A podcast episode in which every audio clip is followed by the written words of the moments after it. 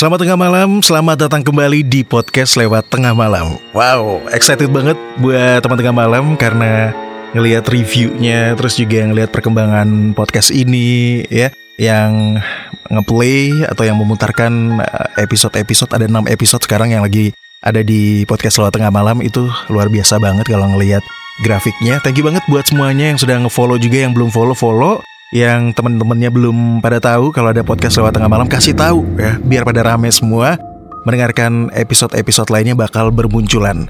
Nah, kali ini bakal beda dari episode sebelumnya buat kamu yang sudah mendengarkan episode 1 sampai episode 6. Sekarang saatnya untuk kita masuk di episode 7 yang kali ini judulnya Ekspedisi Malam Jumat Kliwon.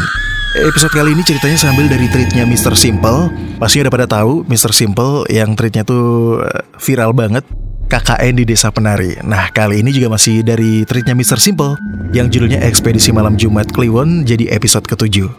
Sekali lagi buat kamu yang mau ikutan nge-share cerita kamu atau pengalaman kamu ya bisa langsung email di willyardan13@gmail.com atau DM Instagram Willy Ardan biar nanti ceritanya juga bisa dimunculkan di episode mendatang. Buat teman tengah malam langsung aja kita ke cerita ekspedisi malam Jumat Kliwon.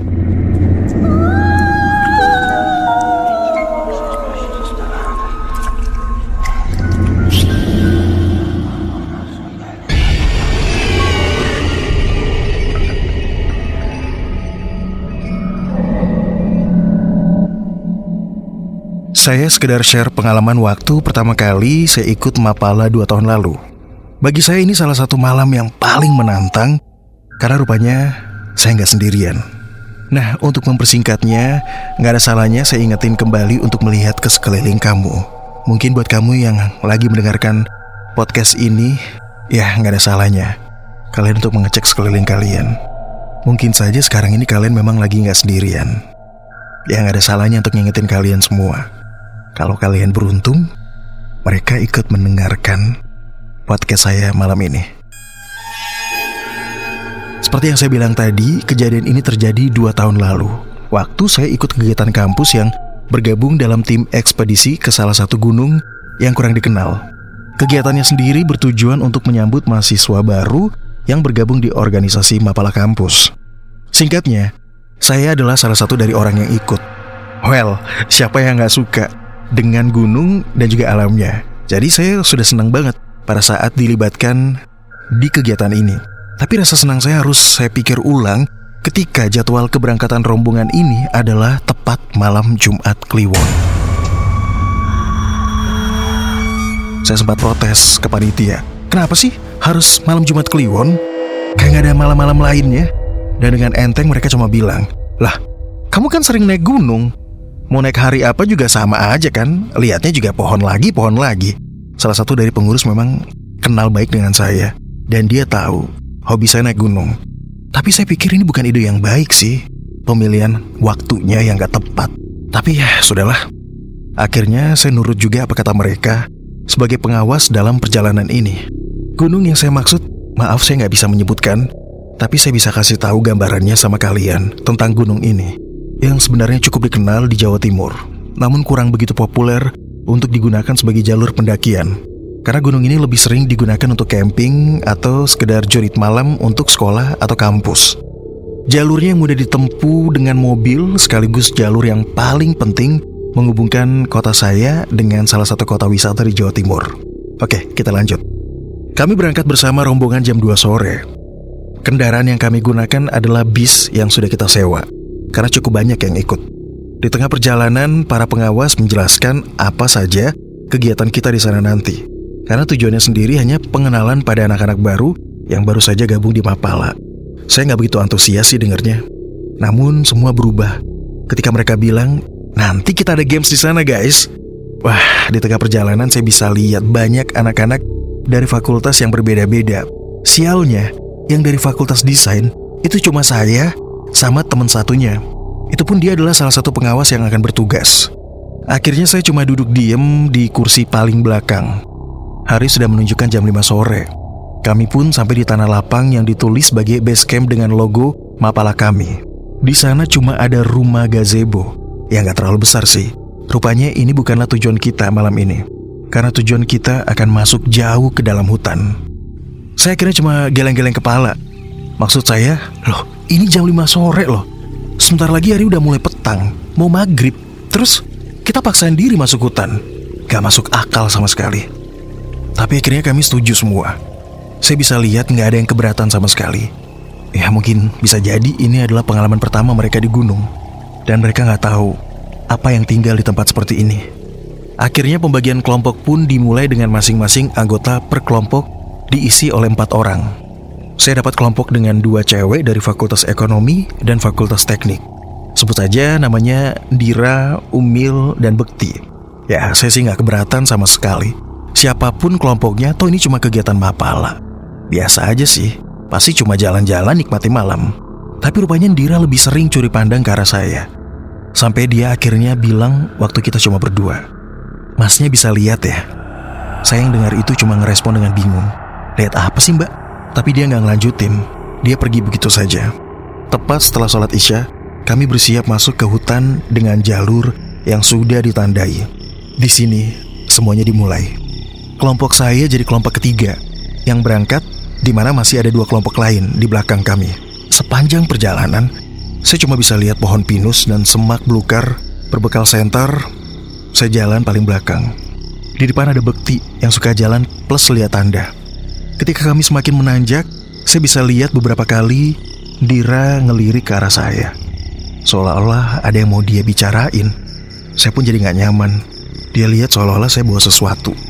20 menit perjalanan, saya isi dengan nafas, narik nafas, karena saya punya masalah dengan pernafasan, terutama ketika ada di suhu yang dingin. Bekti memutuskan untuk kita berhenti sesaat, melihat kondisi Umil yang sudah nggak bisa lanjut lagi. Kami pun berhenti di salah satu pohon. Dan di sinilah Dira lagi-lagi ngedeketin saya. Kamu lihat nggak? Di sana ada apa? Dira menunjuk sesuatu di semak belukar. Dengan entengku saya menjawab, Iya, lihat pocong. Kataku dengan sebel. Hm, Dira cuma nyengir. Kemudian pergi lagi.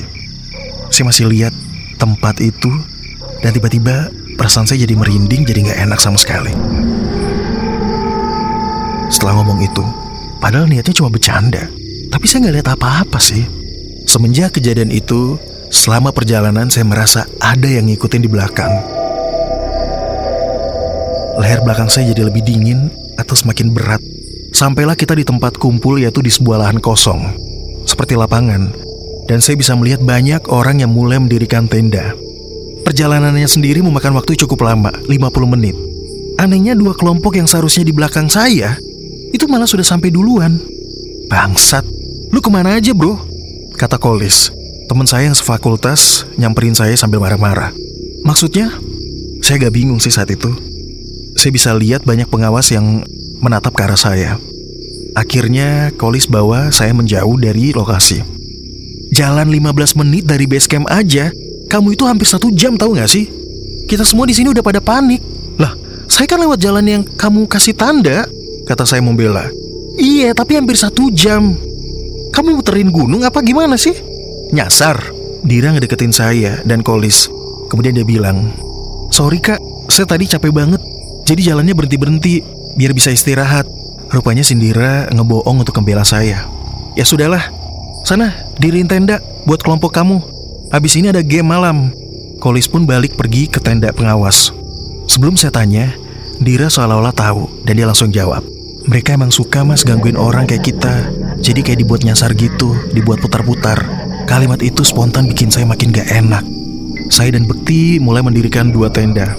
Sementara Umil dan Dira siapin tempat api di depan tenda. Jarak antara tenda nggak terlalu jauh sih, tapi masih lega. Saya masih mikirin ucapan Dira.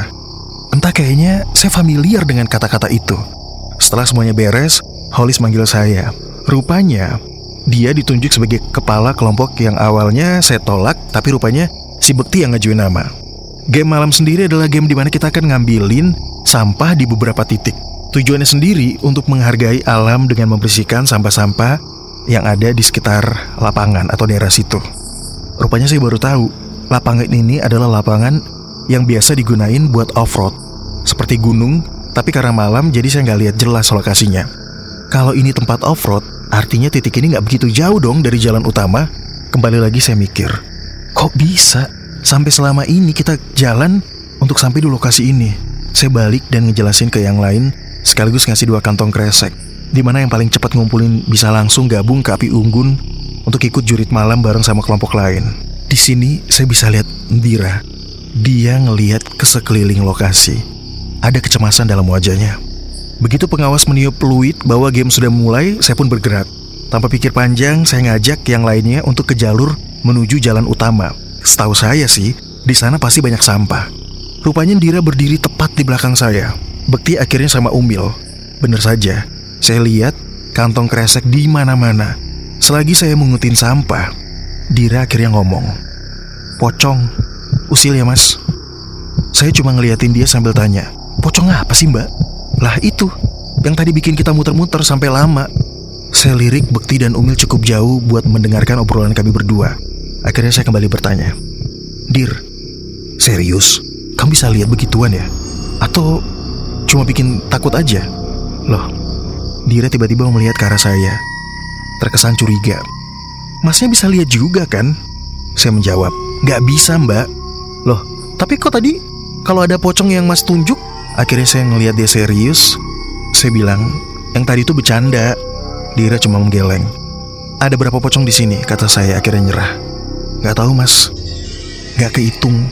40 mungkin. Saya langsung lemas saat mendengarkan apa kata Dira. Rupanya Dira bisa melihat. Tapi mas kata Dira, mata kamu itu loh. Mata kamu tuh bercahaya. Masa kamu gak bisa ngelihat? Akhirnya saya tahu alasannya. Saya jadi ingat waktu peristiwa saya dibawa ke Banyuwangi. Tapi kemampuan saya sudah dihilangkan. Mata batin saya sudah ditutup. Akhirnya Dira paham saat itu. Dari situ saya mulai tertarik dan kemudian saya bertanya, di sini cuma kamu aja yang bisa ngelihat yang gitu. Dira menggeleng. Ada lima yang bisa lihat mas. Selain saya, mas, tapi sekarang jadi tiga orang. Saya coba tanya, siapa aja yang bisa melihat gituan? Tapi Sindira nggak mau kasih tahu nama-namanya. Jadi kalian sama-sama bisa saling tahu ya? Kalau kalian punya kemampuan bisa melihat hal-hal yang tidak kasat mata. Dira cuma mengangguk kemudian bilang, nggak semuanya bisa saling tahu mas, tapi yang powernya paling menonjol yang bisa melihat. Karena semakin penasaran, akhirnya saya tanya ke Dira, ada apa aja di sini? Di sini banyak pocongnya, Mas. Tapi ada juga mbak-mbak. Mbak-mbak apa, Dir? Itu yang di atas pohon? Ada mbak-mbak yang lagi liatin kita? Saya ngelihat ke atas dan bener aja, leher saya tiba-tiba kaku dengan sendirinya dan merinding. Jadi, mereka yang bikin kita muter-muter? Dira akhirnya mengangguk. Iya, mereka. Setelah kantong kami penuh dengan sampah, kami pun balik ke lapangan. Tapi rupanya di lapangan saya ngeliat gelagat yang aneh. Salah satu tenda tampak dipenuhi orang-orang yang berkumpul menguntari. Saya pun ikut melihat ada kejadian apa di situ. Rupanya salah satu pengawas cewek dipegangi oleh pengawas lain. Matanya melotot, melihat semua orang yang ada di sini. Saya ngelirik ke Dira, kemudian saya ngomong pelan. Dira, kamu bilang ada lima orang termasuk saya. Seharusnya jadi empat kan? Kok kamu bisa ngomong jadi tiga orang? Dira akhirnya ngomong, Iya, tapi yang satu lagi sudah dirasuki. Saya kaget. Dengan jarak sejauh ini, Dira bisa mengetahui orang kemasukan atau kerasukan. Bisa dibilang keadaan waktu itu udah nggak terkendali. Hampir semua pengawas sibuk buat nahan cewek yang saya tahu lighting saya tapi dari fakultas yang berbeda. Lebih tepatnya fakultas ekonomi. Saya ingat, dia juga dulu yang jadi pengawas waktu ospek. Tapi yang buat saya bingung, badan cewek sekecil itu bisa buat lima cowok nahan bareng-bareng. Kemudian, sebegitu nggak terkendalinya keadaan waktu itu. Akhirnya saya inisiatif buat bantu di situ. Waktu pegang tangannya, saya kaget. Badannya dingin banget. Gak cuma itu, tatapan cewek itu ngeliatin saya seolah-olah saya ini yang dia cari. Bahkan dia nyengir dan bikin saya makin merinding. Dira mendekat ke arah saya. Mas, saya lupa. Hari ini Jumat Kliwon. Ya kan? Lah, bukannya kamu udah tahu kita ke sini pas Jumat Kliwon? Wajah Dira kayak nyembunyiin sesuatu. Kemudian dia berkata, Aduh, ini tempat rame banget mas.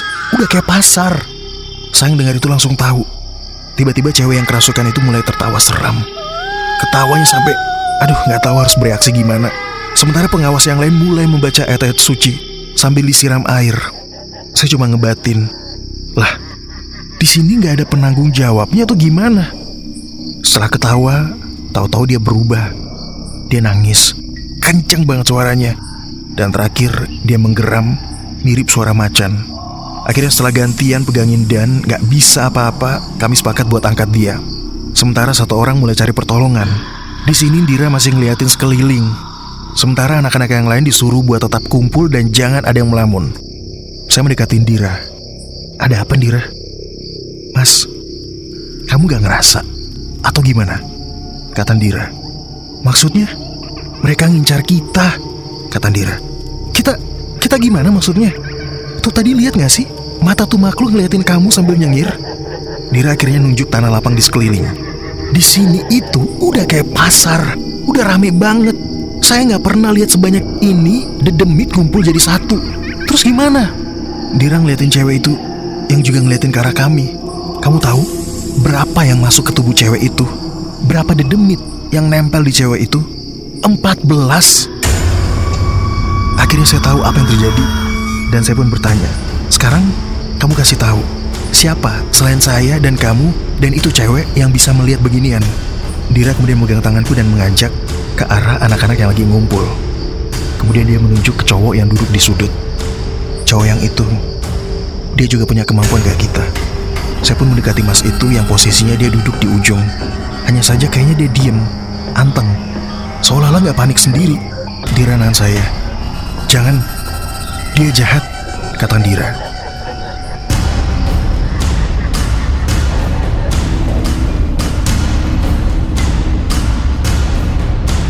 Nah, buat teman tengah malam, ceritanya kita bakal sambung di part 2. Ya, jadi buat kamu yang penasaran, ya udah tungguin aja episode ekspedisi malam Jumat Kliwon part 2. Makanya buat kamu terus dengarkan podcast lewat tengah malam biar kamu nggak kelewatan satu episode pun atau sambungan dari cerita episode ini. Sekali lagi buat kamu yang belum follow langsung follow, yang mau berbagi cerita atau mau share pengalaman kamu juga langsung aja kamu kirim di email willyardan13@gmail.com atau DM di Instagram Willy Ardan. Nantikan kembali di episode berikutnya di part 2. Saya tutup podcast lewat tengah malam dengan ucapan Coba kamu perhatikan di sekitar kamu. Sampai jumpa.